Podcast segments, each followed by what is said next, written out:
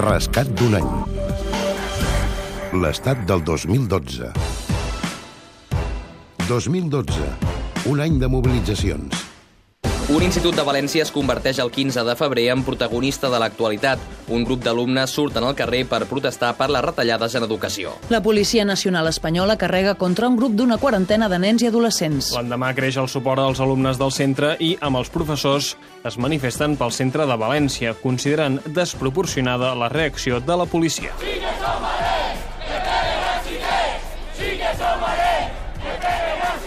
En aquesta segona protesta, la Policia Nacional deté sis persones, una de les quals menor d'edat. Els imputen delictes de resistència i desobediència a l'autoritat. Durant els següents dies es repetiran les concentracions i també les càrregues policials.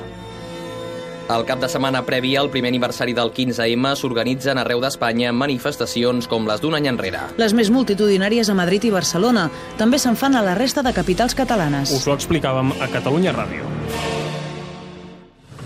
acabat el simulacre del judici popular contra la banca i els polítics i aquesta era la sentència. Culpables d'impulsar i beneficiar-se de les guerres a través del negoci d'armament i, finalment, del finançament il·legal dels partits polítics.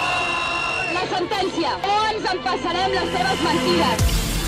Fa uns minuts que finalitza l'exolada, quart d'hora, fins i tot també la cinquantena d'indignats que hi han participat han tallat el trànsit durant uns 5 minuts a la Rambla o davant de la Universitat de Lleida, davant de l'edifici del rectorat a la plaça Víctor Ciurana. Els manifestants acampen al centre de Barcelona i passen la nit. Aquest matí sí que és evident que el 15M torna a ser protagonista a la plaça de Catalunya de Barcelona. Ara, amb tot el desplegament en marxa de les comissions i els col·lectius que aquests últims mesos s'hi han anat afegint, xerrades, octavetes, pancartes i recollida de firmes, com ara fa un any. A Madrid, la policia espanyola desallotja els ciutadans que intentaven passar la nit acampats a la Puerta del Sol. I afegir que a Madrid el moviment del 15M ha ampliat la, les placetes properes a la Puerta del Sol les assemblees on avui debaten propostes i reivindicacions socials, econòmiques i de participació ciutadana. La policia controla la zona per evitar les acampades. El dia de l'aniversari, el 15 de maig, més concentracions arreu. A Madrid es torna a desallotjar la Puerta del Sol i es detenen 8 persones. L'endemà de la celebració del primer aniversari de la creació del moviment 15M, el conseller d'Interior Felip Puig contraposa l'actuació dels Mossos d'Esquadra durant els actes de protesta amb la de la policia espanyola a Madrid, on cada nit s'han desallotjat els acampats a la Puerta del Sol i s'han fet una trentena de detencions. La gent doncs, ha pogut mostrar doncs, la seva inquietud, ha pogut acampar a les places públiques doncs, sense més altra restricció que la de eh, l'ordre públic i la seguretat ciutadana. No hem fet com altres llocs d'Espanya, en què van haver-hi altres determinacions. A l'Avinguda Diagonal de la capital, una seixantena d'indignats fan una cassolada que dura hores davant els edificis de la Caixa.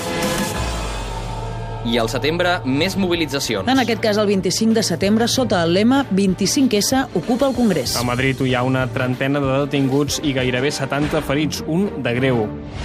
La vicepresidenta de l'executiu espanyol, Soraya Sáenz de Santa María, qualifica la protesta de violenta. Mire, siempre hay que escuchar a la calle, pero desde luego hay que atender a lo que deciden las urnas, y eso es venir a votar a esta casa.